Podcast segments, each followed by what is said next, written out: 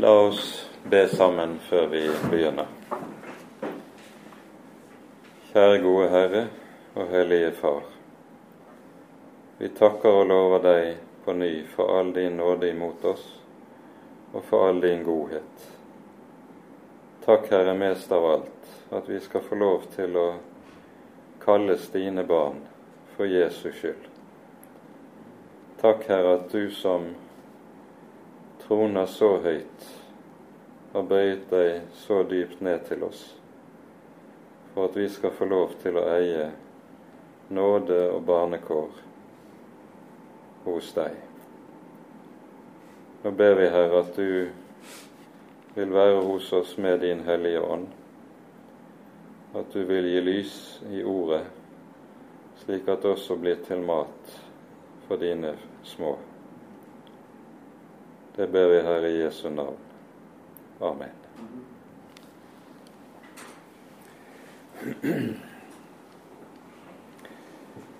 Vi eh, leser da kapittel 11 i sammenheng nå til innledning.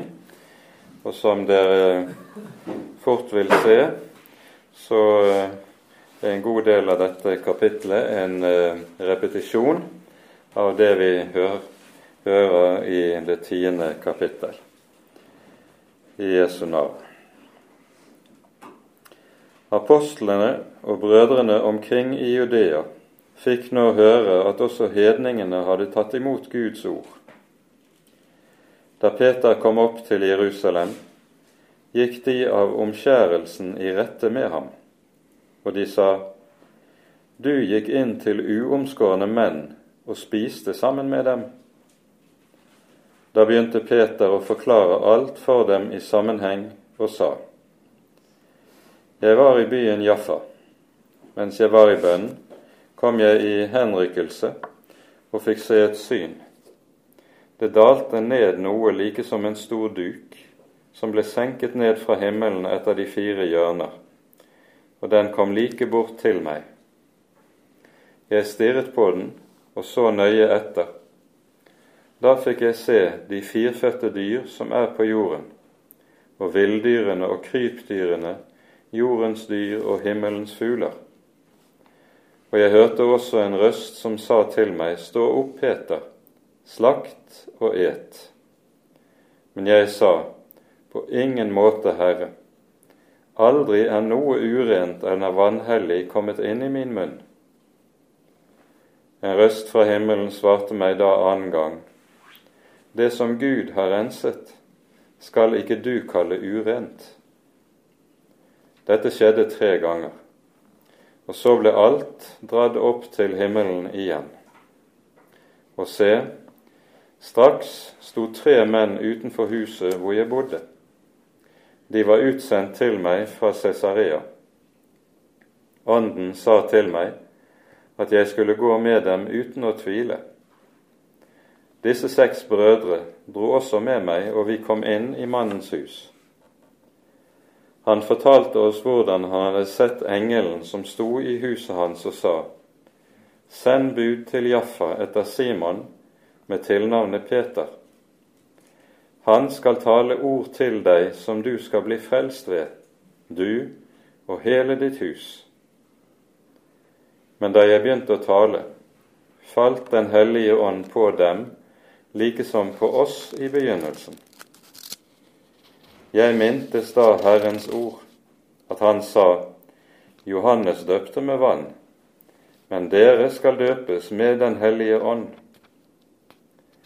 Ga altså Gud dem den samme gave som han ga oss, da de var kommet til troen på Herren Jesus Kristus. Hvem var da vel jeg, at jeg skulle være i stand til å hindre Gud? Da de hørte dette, slo de seg til ro, og de priste Gud og sa:" Så har da Gud også gitt hedningene omvendelse til livet. De som var spredd på grunn av den trengsel som oppsto i forbindelse med Stefanus, dro omkring like til Fønikia, Kypros og Antiokia. Men de talte ikke ordet til andre enn til jøder. Men noen av dem, noen menn fra Kypros og Kyrene kom til Antiokia, hvor de også talte til grekere og forkynte evangeliet om Herren Jesus. Og Herrens hånd var med dem, og et stort antall kom til troen og omvendte seg til Herren. Ryktet om dette kom menigheten i Jerusalem for øre, og de sendte Barnabas til Antiokia. Da han kom dit og så Guds nåde, gledet han seg, og han formante alle til at de helhjertet skulle holde fast ved Herren. For han var en god mann og full av Den hellige ånd og tro, og en stor skare ble vunnet for Herren. Han dro så til Tassus for å oppsøke Saulus, og da han hadde funnet ham, førte han ham til Antiokia. Et helt år var de sammen i menigheten der og lærte en stor skare. Det var i Antiokia disiplene først ble kalt kristne. I de dagene kom det noen profeter ned til Antiokia fra Jerusalem. En av dem, som het Agabus, sto opp og varslet ved Ånden at en stor hungersnød skulle komme over hele verden den kom da også under Claudius. Disiplene vedtok da at hver av dem, ettersom de hadde råd til, skulle sende noe til hjelp for de brødre som bodde i Judea. Dette gjorde de, og sendte det med Barnabas og Saulus til de eldste, dvs. Si de eldste i Jerusalem.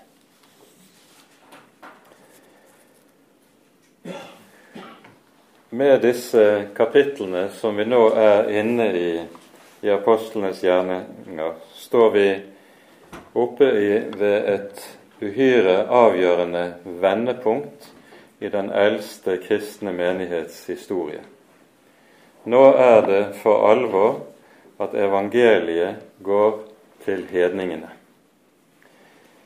Ehm, vi hører jo i apostelgjerningene 1.5 unnskyld, 1,8, og hvordan Jesus sier at evangeliet skal forkynnes fra Jerusalem og Judea, så til Samaria, og så til jordens ender. Og Det siste uttrykket 'til jordens ender' det sikter jo da til hedningene.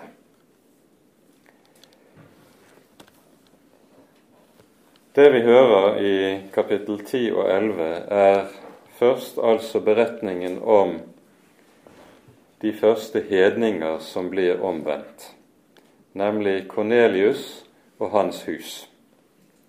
Deretter hører vi om den første hedningekristne menighet, nemlig i Antiokia. Og dette er altså et veldig vendepunkt. Eh, og at beretningen om Kornelius' omvendelse kommer først, og at den også vies så stor plass som den gjør. Den omfatter jo nærmest to, nesten to hele kapitler her i Apostelets gjerninger. Det sier noe om hvilken betydning eh, beretningen om Kornelius' omvendelse tillegges. Fordi her møter vi så å si det prinsipielle som ligger til grunn for at hedningene nå kan få høre evangeliet, høre evangeliet uten at det kreves omskjærelse, dvs. Si uten at det kreves at de først må tilslutte seg jødedommen før de kan bli kristne. Dette har ikke vært et helt enkelt spørsmål for den eldste kristne menighet. Og vi skal se litt på årsakene til dette etter hvert. Kapittel 11 er da inndelt i to veldig klart avgrensede avsnitt. Først vers 1-18, der Peter gjør rede for det som skjedde i Kornelius' hus etter at han er blitt krevd til regnskap for det når han kom tilbake til Jerusalem. Og Dernest, fra vers 19 av, hører vi om menigheten og misjonsvirksomheten i Antiokia.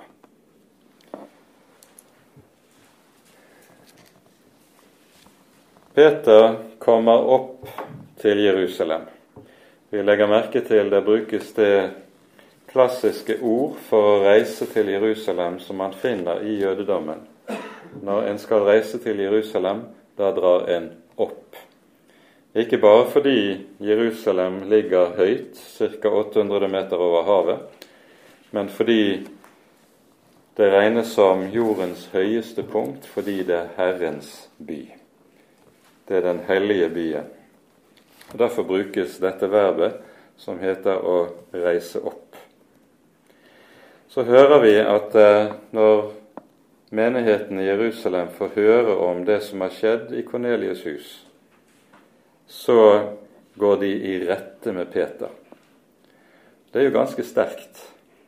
Han som er urmenighetens leder og fremste talsmann, som er innsatt til dette av Herren Jesus selv, de går i rette med ham.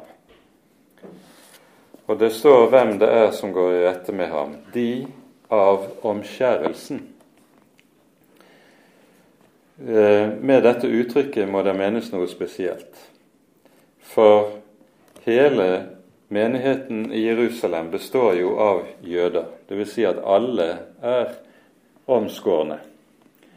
Men når det sies 'de av omskjærelsen', så må det tenkes ikke primært på at de er jøder, men på, teologisk på noen som holder fast ved omskjærelsen.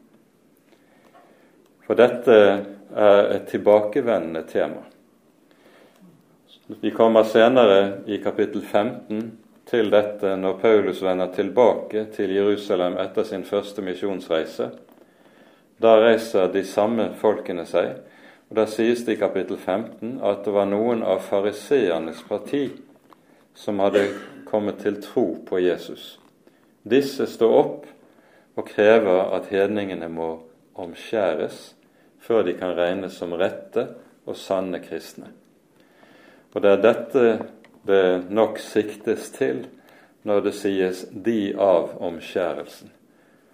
Det tenkes altså ikke primært på etnisk tilhørighet til jødedommen, men det tenkes på som en teologisk karakteristikk, som noen som vil holde fast på omskjærelsen under alle omstendigheter.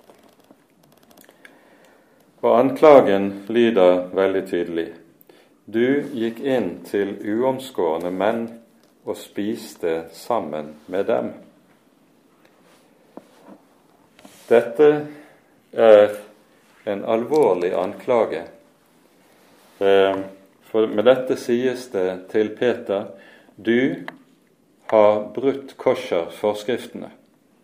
De forskrifter som vi finner i Det gamle testamentet når det gjelder ren og uren mat, og som i eh, rabbinsk utleggelse av dette var etter hvert blitt uhyre detaljert eh, utmyntet i forskrifter. Og eh, gjennom århundrene etter dette er de detaljerte forskriftene om dette blitt stadig mer tallrike og inngående. Det vil være kjent for de fleste av dere at i et ortodoks eh, lovtro hjem, så blander man ikke bare ikke kjøtt og melkemat, men man vil ha to kjøkkener for å være 100% sikker på aldri å komme i skade for å blande det minste av melkemat med noe som har kjøtt i seg. Så man har ett kjøkken for melkemat og ett kjøkken for kjøttmat. Så strengt overholdes dette. Og Dette handler jo da om at en Moseloven den er Guds hellige lov. Og vi skal, for oss som lever 2000 år etter, så skjønner vi ikke helt hvilket stort og alvorlig problem dette var for de første kristne. Men tenk nå på at de første kristne hadde ikke noe Nytestamentet. Den Bibelen de hadde, var Det gamle testamentet. Det var ut fra Det gamle testamentet de forkynte budskapet om den Herre Jesus. Og Det gamle testamentet hadde uomtvistelig gyldighet og autoritet blant de første kristne. Og Dette hadde de Jesu eget ord på. Jesus sier jo i bergprekenen uttrykkelig dere må ikke tro at jeg er kommet for å oppheve lovene og profetene. Jeg er ikke kommet for å oppheve, men for å oppfylle. Med dette beskriver Jesus både hensikten med sitt eget komme, samtidig som han også sier noe helt grunnleggende om Det gamle testamentets myndighet og autoritet, slik han lærer det, og som den troende menighet også skal se på dette. Så de første kristne i Jerusalem de har Jesu eget ord på Det gamle testamentets myndighet og autoritet. Og Når Det gamle testamentet da lærer om rene og urene dyr, lærer om hva som er ren og uren mat, hva som er lovlig og hva som ikke er lovlig å spise, så er det helt naturlig at da vil de første kristne søke å innrette livet sitt etter dette. Og Vi ser også at den jødekristne menighet i Jerusalem dette understrekes i kapittel 21 i apostelgjerningene. Vi kommer til å komme til det senere. Vi ser at den første jødekristne menighet i Jerusalem er meget nøye med å overholde Moseloven på alle punkter. Eh, når Paulus kommer tilbake etter sin tredje misjonsreise, så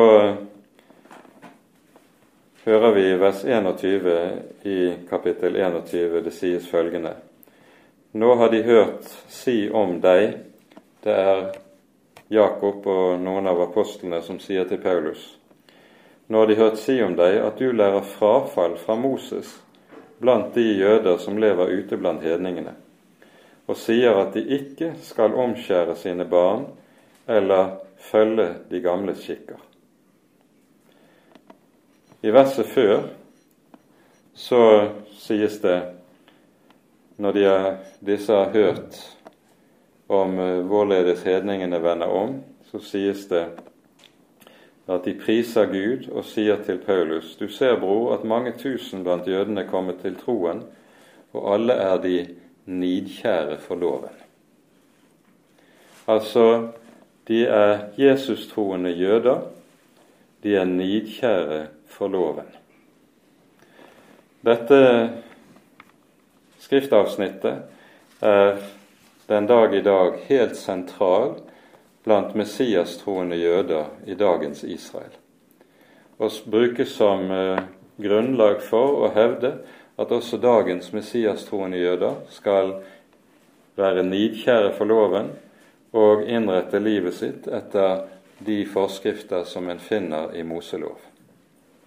Det diskusjonen dreier seg om, og her er det ingen enighet blant de messiastroende jøder i Israel, det er i hvilken utstrekning man også skal innrette seg etter rabbinernes utleggelse av Mos Moseloven.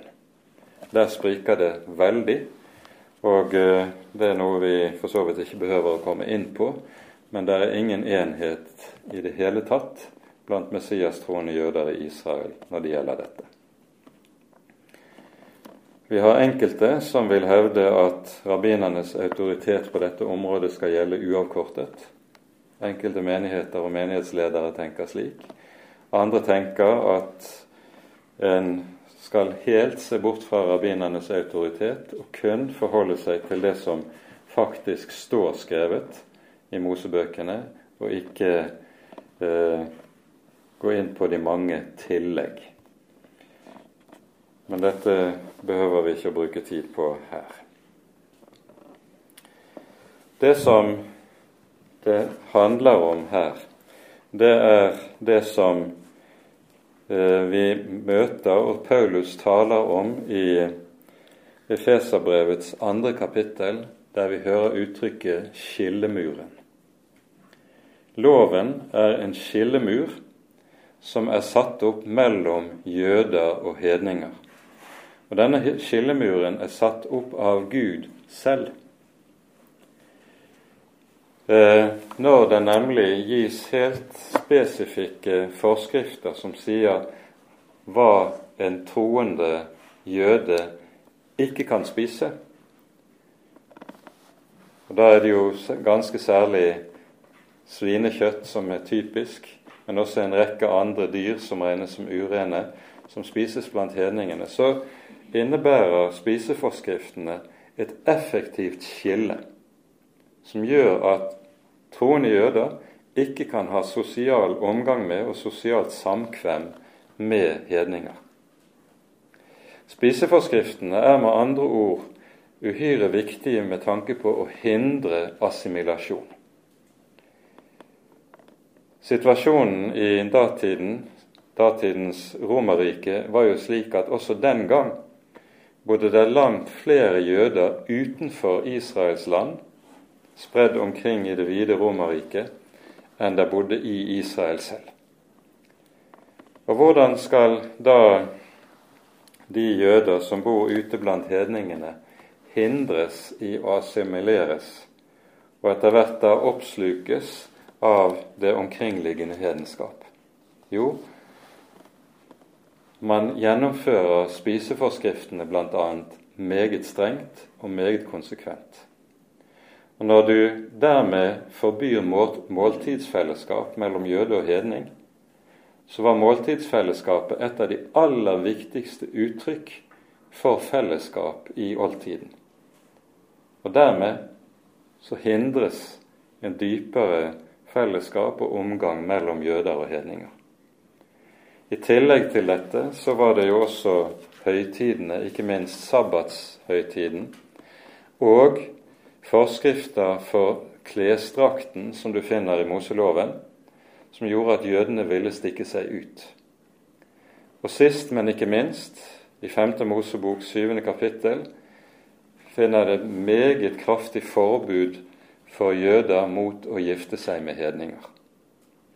Alt dette er lover som vil hindre assimilering, og som vil gjøre at jødene vil bevare både sin nasjonale identitet og hindres i å gradvis oppslukes av hedenskapet og avgudsdyrkelsen. Loven er med andre ord en skillemur, som Paulus sier det. Og når han bruker dette uttrykket i Efeserbrevet kapittel 2, så bruker han et uttrykk som er meget viktig i rabbinsk jødedom. Paulus er jo selv rabbiner. Han har gått i den mest ansette rabbinerskolen i datiden. Han har sittet nemlig ved Gamaliels føtter, hører vi senere hen i apostelgjerningene. Og Gamaliel var den mest ansette av alle jødiske lærde i sin samtid.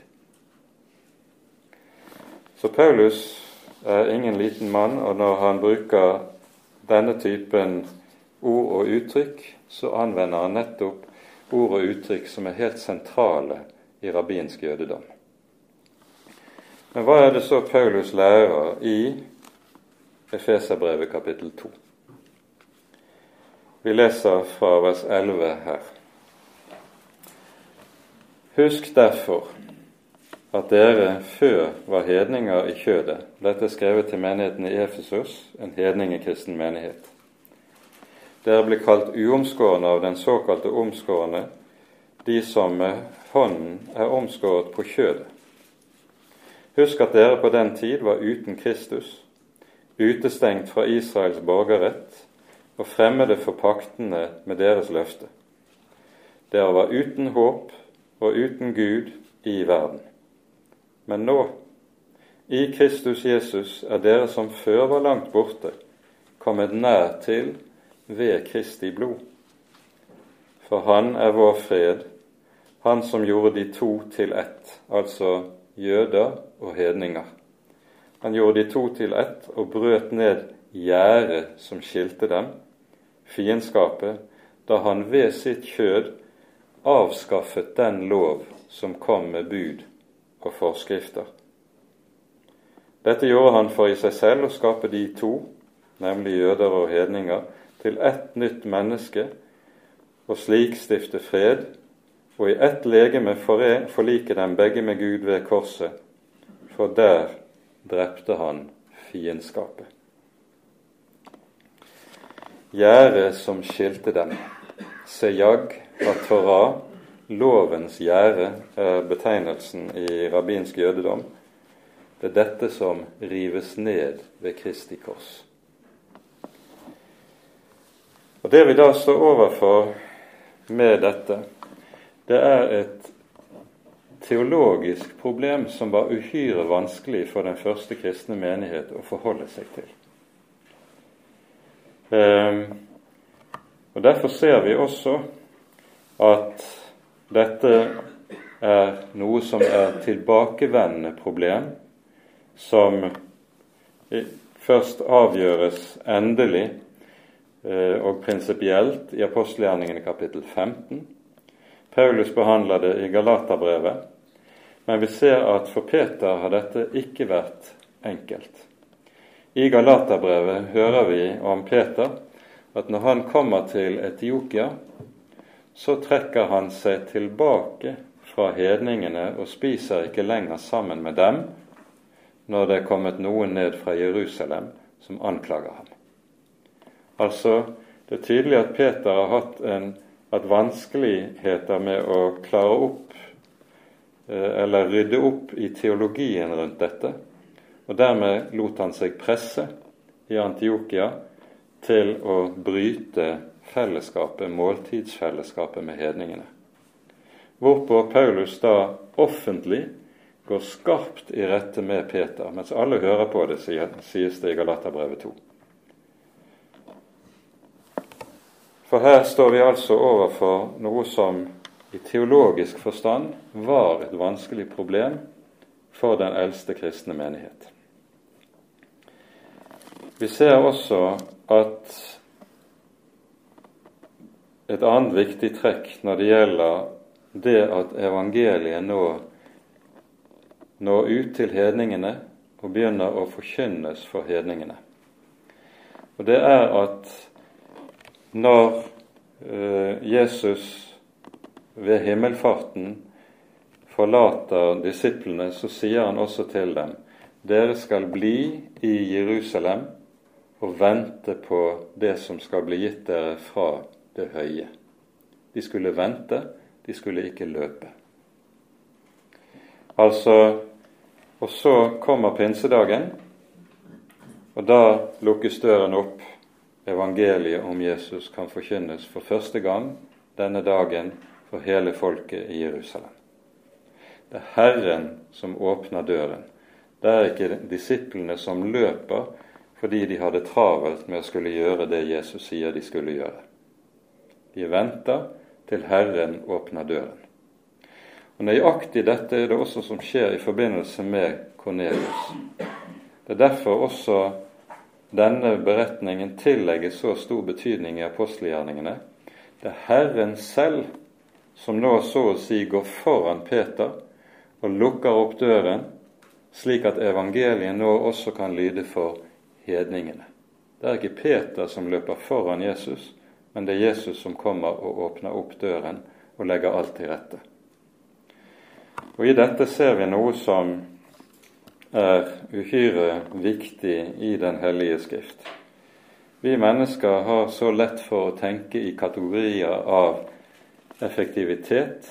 Ting må skje fort. Ting må skje eh, sånn som vi tenker eh, vil gi de raskeste og beste og største resultater. Jesus sier alltid 'vent'. Vent, og så skal Herren åpne døren. Det er en annen måte, og så kan en gå ganske stille og ganske rolig og følge Herren, for Han går foran. Og det er dette som skjer i denne sammenheng. Nå er det Herren som har åpnet døren, og det blir meget, meget tydelig for Peter, slik at han, når uh, han forsvarer sine handlinger, slik vi leser det i vers 17, så må Peter si:" Hvem er da vel jeg at jeg skulle være i stand til å hindre Gud? for her er det Herren selv som har handlet. Derfor kan ikke Peter nekte dem dåpen, selv om de er aldri så uomskårne på kjødet. Så har Gud altså åpnet troens dør for hedningene. Men problemet gjenstår når det gjelder eh, dette som har med forholdet til Moselov. I, vi vet fra gamle kilder at allerede på Jesu tid så var det to hovedretninger blant de skriftlærde når det gjaldt forholdet til hedningene. En forventet at når Messias kom, da skulle også hedningene få høre Guds ord og bli en del av Guds folk. Men disse to retningene skilte seg på det punkt at det var én retning som mente at når Messias kom, så skulle han legge hele lovens åk også på hedningene. Dvs. Si at hedningene skulle forpliktes til å overholde loven fullt ut, på samme måte som jødene var forpliktet til det. Det er denne retningen som fører ordet i anklagen mot Peter her, og senere anklagen mot Paulus i apostelgjerningene kapittel 15. Så har du en annen retning som hevdet at hedningene at når Messias kom, så skulle han komme med skulle han være en lærer med loven for hedningene. Og han skulle lære hedningene 30 lover, som er de lover som kalles for Noah-lovene. De er en utleggelse og konkretisering av de eh, påbud og forbud som Gud pålegger Noah i Første Moseboks niende kapittel. Disse lovene de er allmennmenneskelige og forpliktende for alle mennesker, enten de nå er jøder eller ei. Og disse 30 lovene som da skulle legges på hedningene av Messias, de skulle være tilstrekkelig og ikke forplikte på det øvrige av Moseloven. Du har altså disse to retningene innen datidens rabbinske jødedom. Og avgjørelsen som fattes på apostelmøtet i Jerusalem i eh, kapittel 15, den følger altså den retningen som lærer at det er Noah-lovene som skal pålegges hedningene. Men dette var altså en intern og intens diskusjon blant rabbinerne og innenfor jødedommen allerede på Jesu tid. Det som også er viktig å være klar over, det er at vi innen Eh, og blant jødene, eller blant rabbinerne, finner eh, også av de, blant de eldste kildene eh, ord som peker i retning av at når Messias kommer, så skal han også endre på Moselov. Eh, Jesus bærer allerede i Eh, første Mosebok 49 en bestemt tittel. Der hører vi om han som kalles fredsfyrsten, Shilo. Så, og herskerstav skal ikke vike fra hans føtter, står det. Han er Judas etterkommer. Det er i Første Mosebok 49 vi leser Jakobs profeti om Israels eh, tolv eh, stammer og vi hører om Frelseren som skal komme i Judas stamme. Herskerstav eller herskerspir skal ikke vike fra hans føtter, står det. Det hebraiske uttrykket som anvendes her, og som er oversatt med herskerstav, det er et uttrykk som egentlig betyr lovgivningsmyndighet. På grunnlag av dette ordet så lærer da eh, en del av rabbinerne at Messias har myndighet til å gi lov, og det er ikke hvem som helst som har. Derfor er det Messias eh, Det kan sies om ham i profetien i 5. Moseboks 18. kapittel der Moses sier 'en profet like som meg skal Herren sende dere'. På ham skal dere høre, og hver den som ikke hører på det ord han taler i mitt navn, vil jeg kreve til regnskap for det. Altså Messias skal være en profet like som Moses. Og hva var Moses? Han var lovlæreren, han var lovgiveren, og han var den ved hvem pakten ble stiftet. Slik skal Messias også være lovlærer, lovgiver og den ved hvem pakten med Herren skal innstiftes. Slik tenkte de, en del av de rabbinske lærde.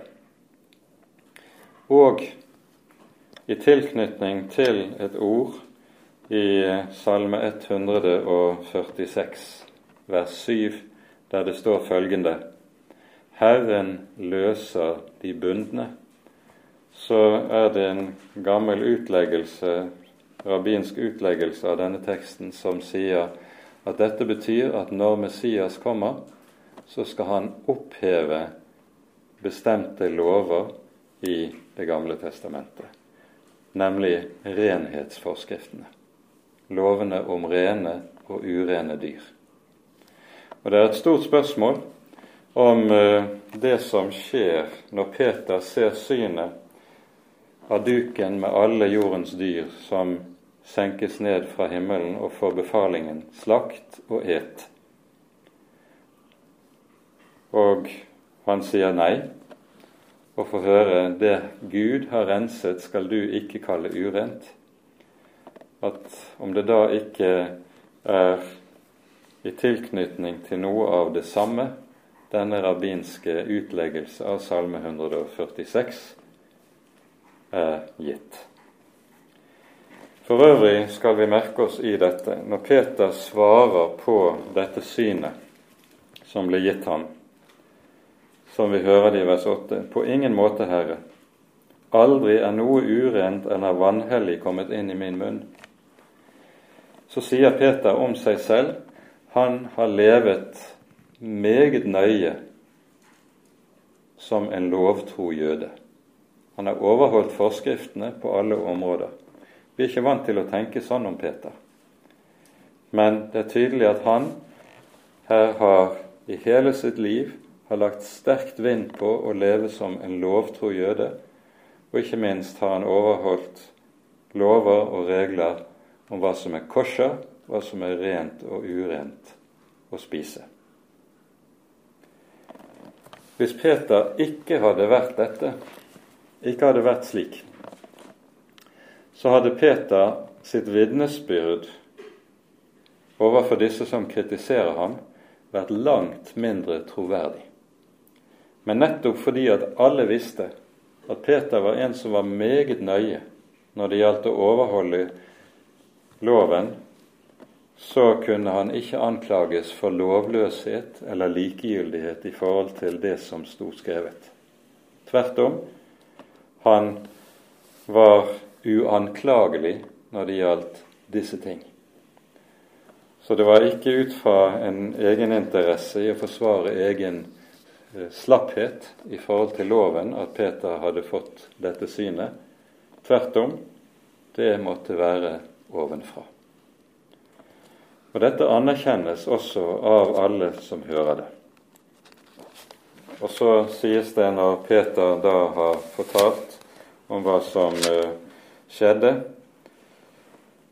Da de hørte dette, slo de seg til ro og priste Gud så har da Gud også gitt hedningene omvendelse til livet. Og så er det med dette vi også møter et uhyre viktig uttrykk i apostlenes gjerninger.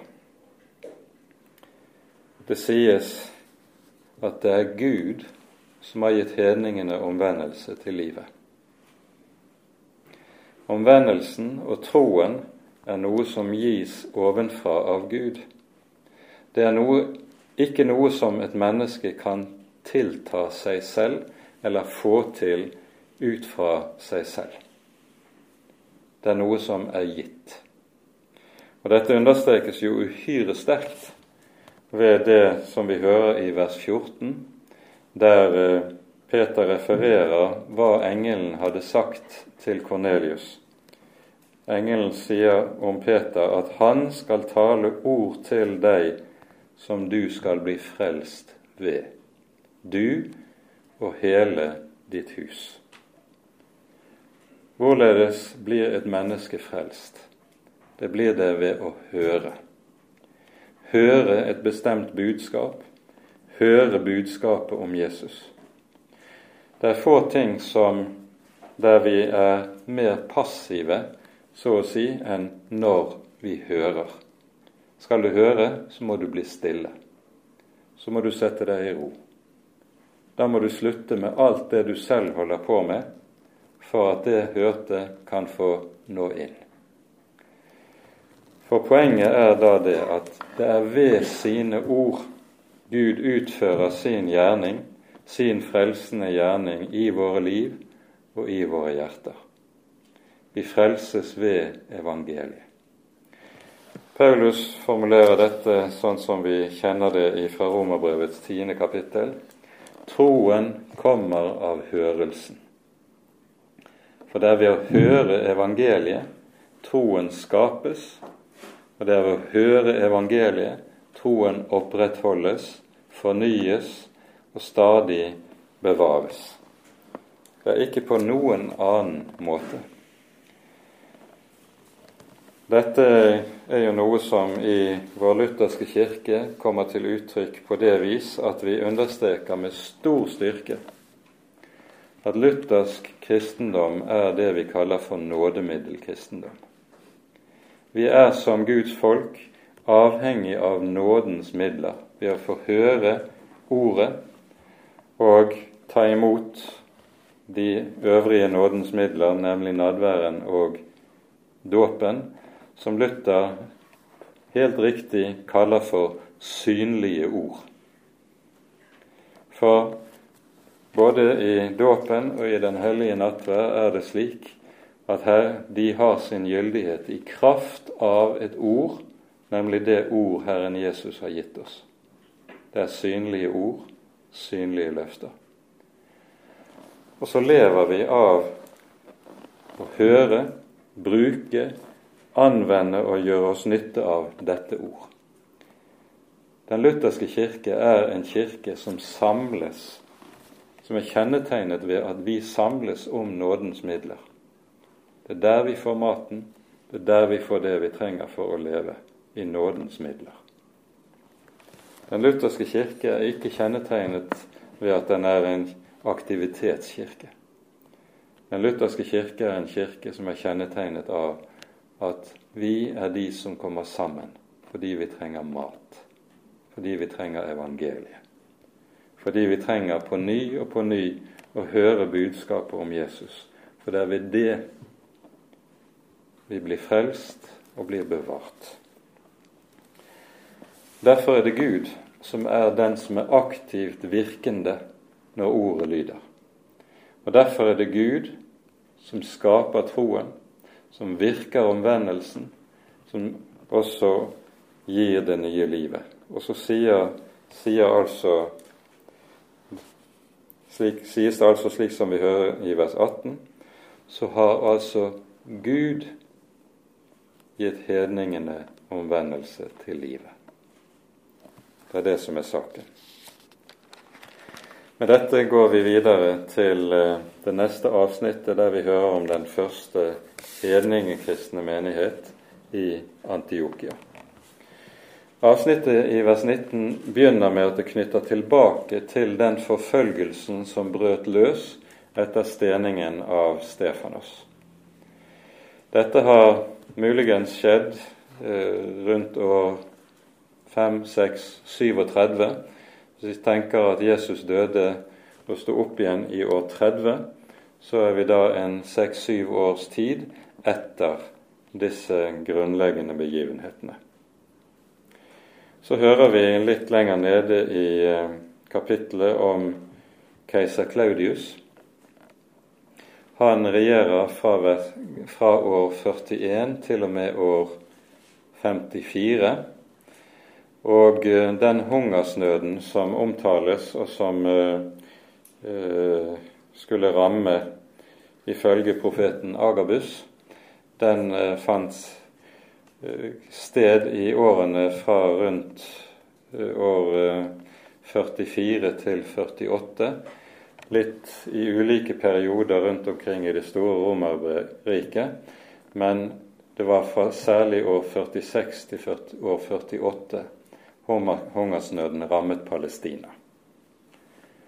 Og Det som kjennetegner hungersnød, det er at da går prisen på korn opp. Noe som rammer de fattige.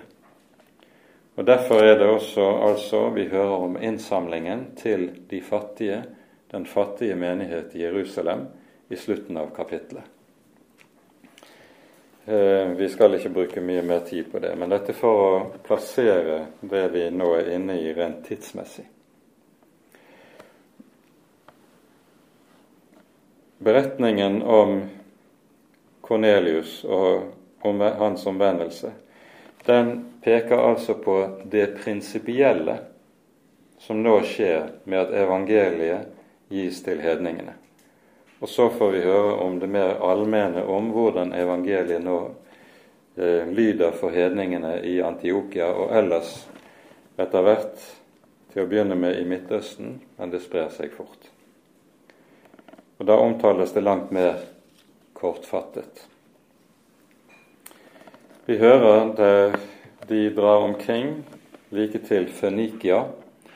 Det er områdene fra Eh, Karmel og nordover, eh, byområdene til Tyrus og Sidon i det som er dagens Libanon, og videre opp til Antiokia, som ligger i, i dagens Syria. Antiokia var eh, på denne tiden den tredje største byen i Romerriket. Det var bare Roma og Alexandria som var større, og historikerne mener at byen hadde en befolkning på i hvert fall 500 000 innbyggere. Antagelig var det den jødiske befolkningsandelen også relativt stor, kanskje så mye som 10 000 mennesker av jødisk herkomst i Antiokia. Men når evangeliet nå lyder i Antiokia, så lyder det ikke bare for jøder.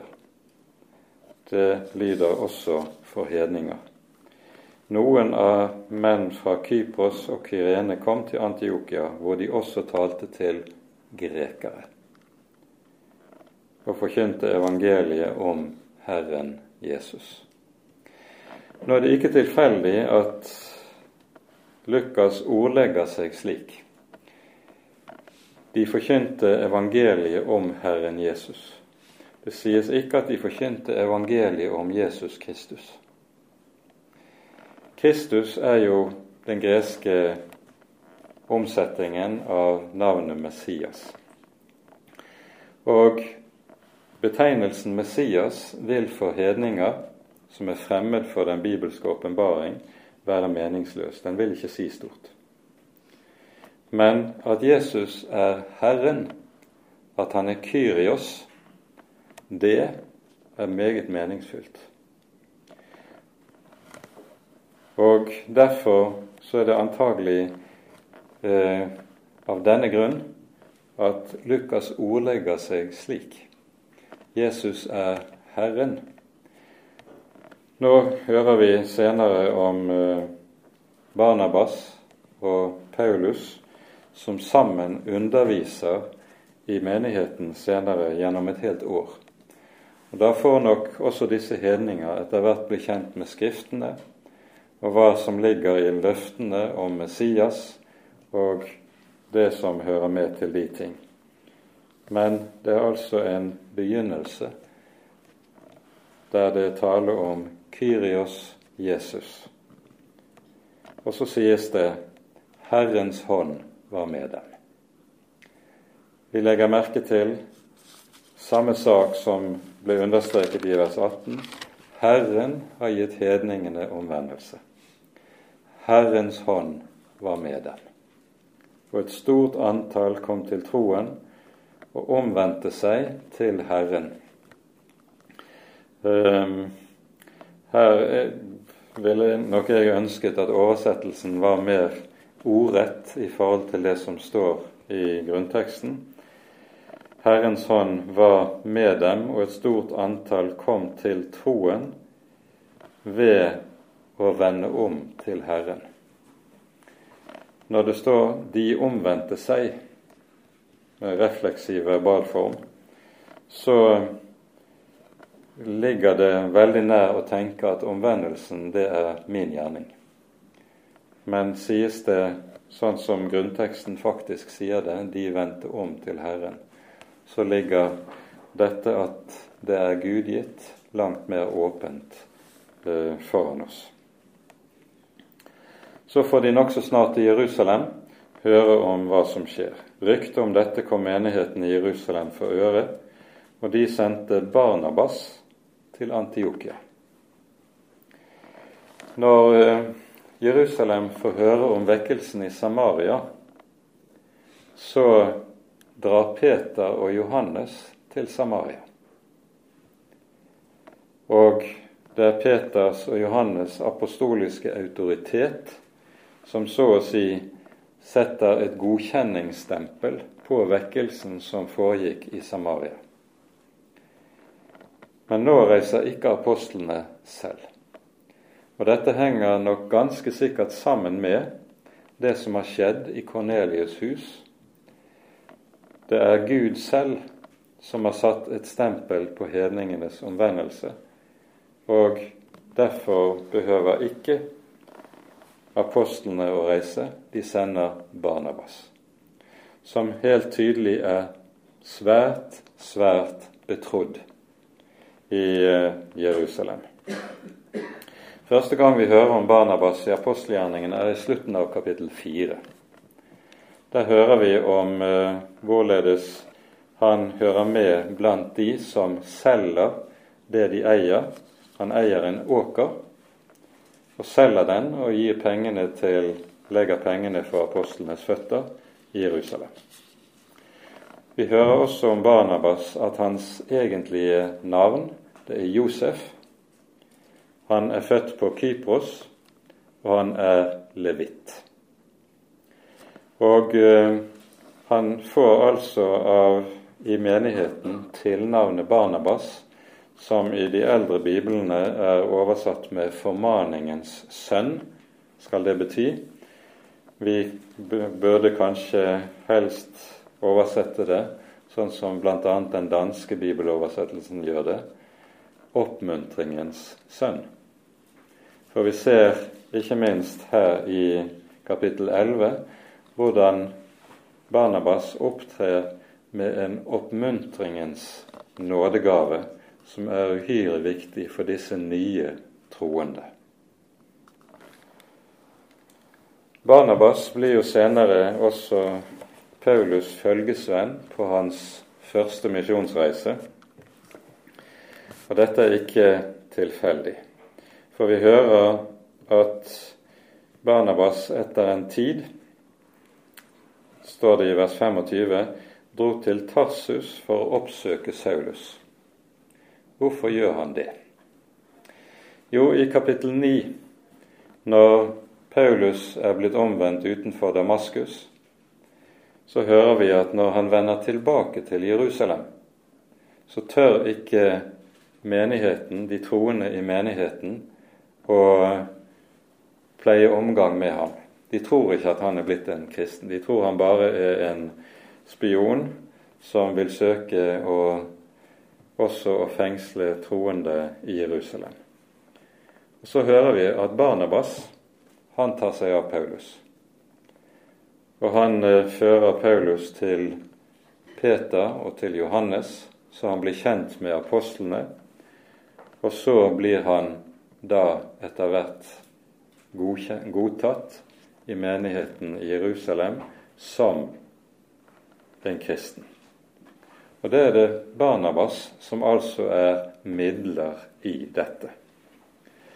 Barnabas har helt tydelig her hatt en sjelesørgerisk tilnærming som har vært uhyre viktig både for Paulus eget vedkommende og nok for mange andre i menigheten.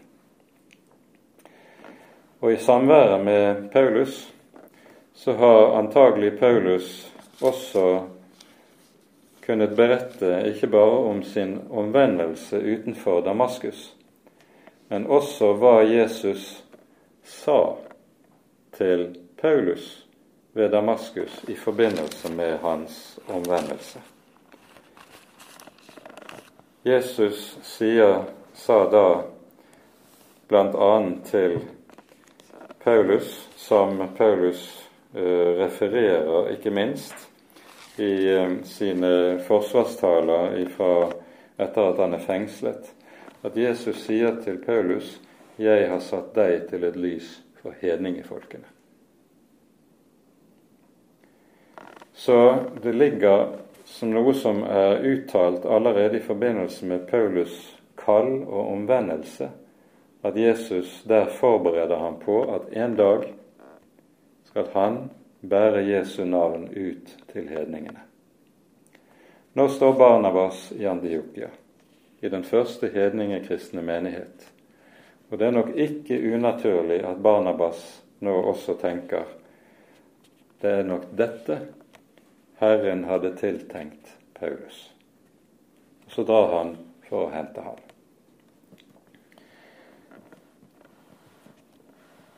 Hvor lang tid det har gått fra Paulus' omvendelse frem til dette, vet vi ikke. Kanskje fem, seks, syv år. Det ligger imellom her. Vi vet ikke. Det er umulig å lage en nøyaktig kronologi på det som skjer her.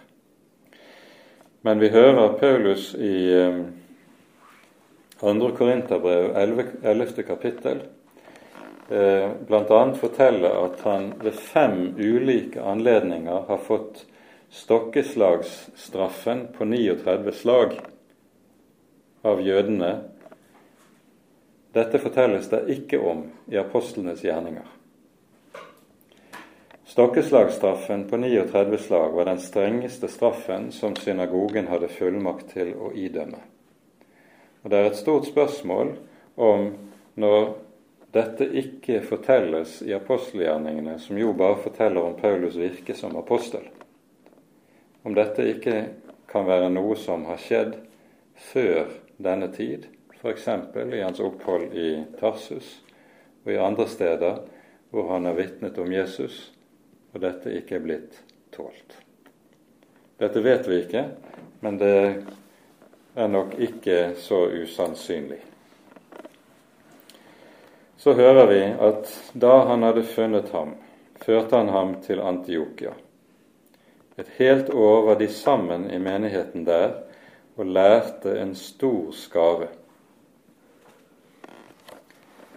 Og så legger vi merke til ordet 'lære'. Leser du apostelgjerningen i sammenheng, så vil du se hvor hyppig dette ordet 'lære' anvendes. Det anvendes også meget ofte om Jesus. Det sies at Jesus lærte. Han underviste. Undervisningen var undervisning i Skriftene. Og dette innebærer at undervisningen ikke var noen lettvint la oss kalle det for åndelig chips og cola, men det var i stedet skikkelig substans som skulle hjelpe menigheten til å vokse i tro og kjennskap til Herren Jesus. Og det skjer gjennom å vokse i tro og kjennskap i Skriftene. Hvordan dette har fungert, det vet vi ikke mye om. Men når du leser brev som f.eks. første Korinterbrev, så vil du se hvorledes Paulus der, i et brev som jo er skrevet til en hedningekristne menighet, han forutsetter at Det gamle testamentet er meget godt kjent av menigheten.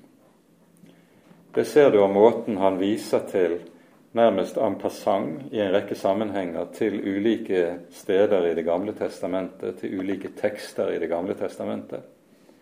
Noe som altså lærer oss at det har vært helt sentralt å undervise de troende i Skriftene, og ganske særlig de hedningekristne, at de må lære Skriftene å kjenne.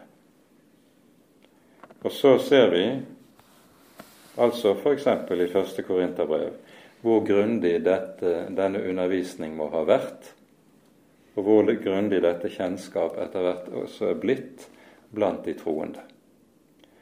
For det er gjennom å grunnfestes i Skriftene at en også grunnfestes i troen. Der Skriften bare behandles overfladisk, der vil også troen med nødvendighet bli overfladisk og lettvint. Så dette som har med å lære å gjøre, det er uhyre sentralt i Det nye testamentet. Og dette skulle vi legge vind på, i, ikke minst i en tid som vår, som vi har alt mulig lettest mulig, kjappest mulig og enklest mulig. Her tror jeg det er avgjørende at en kristen menighet er motstrøms, og at vi legger vind på undervisningen og læren. Det har apostlene til eksempel, og det gir seg selv ut fra den betydning Skriften har for troens liv. Så kommer det en kort bemerkning på slutten av vers 26. Det var i Antiokia disiplene først ble kalt kristne. Christianois på gresk. Etter Kristus kalles de kristne. Eh, til, tilsvarende eh, hører vi senere at blant jøder så kalles de kristne for nasareernes sekt. Og begge deler har antagelig vært nedsettende betegnelser i første omgang. Men i Antiokia ble betegnelsen meget raskt adoptert av de kristne selv. De ville gjerne la seg benevne som kristne. Som kristne er vi slike som tilhører Kristus, vår Messias, vår Frelser. Ellers er det jo slik at i Det nye testamentet så kalles de troende hovedsakelig for disiplene. Eller de troende, eller de hellige. Det er de vanlige betegnelsene på de kristne. Men her kalles de altså for kristne. Bare to andre steder i Det nye testamentet hører vi betegnelsen kristen anvendes. Men eh, Senere hen vet vi at dette er blitt hovedbetegnelsen. I dagens Israel er det slik at troende jøder de vil la seg kalle med den hebraiske parallellen de vil la seg kalle for messianske jøder, som jo ikke er noe annet enn en hebraisk parallell til det å være en kristen. Så hører vi til slutt om eh, Agabus og de som kom ned fra Jerusalem. Det får vi komme tilbake til senere. Med dette tror jeg tiden vår er løpt ut. Ære være Faderen og Sønnen og Den hellige ånd, som var og er og være skal, en sann Gud, høylovet i evighet. Amen.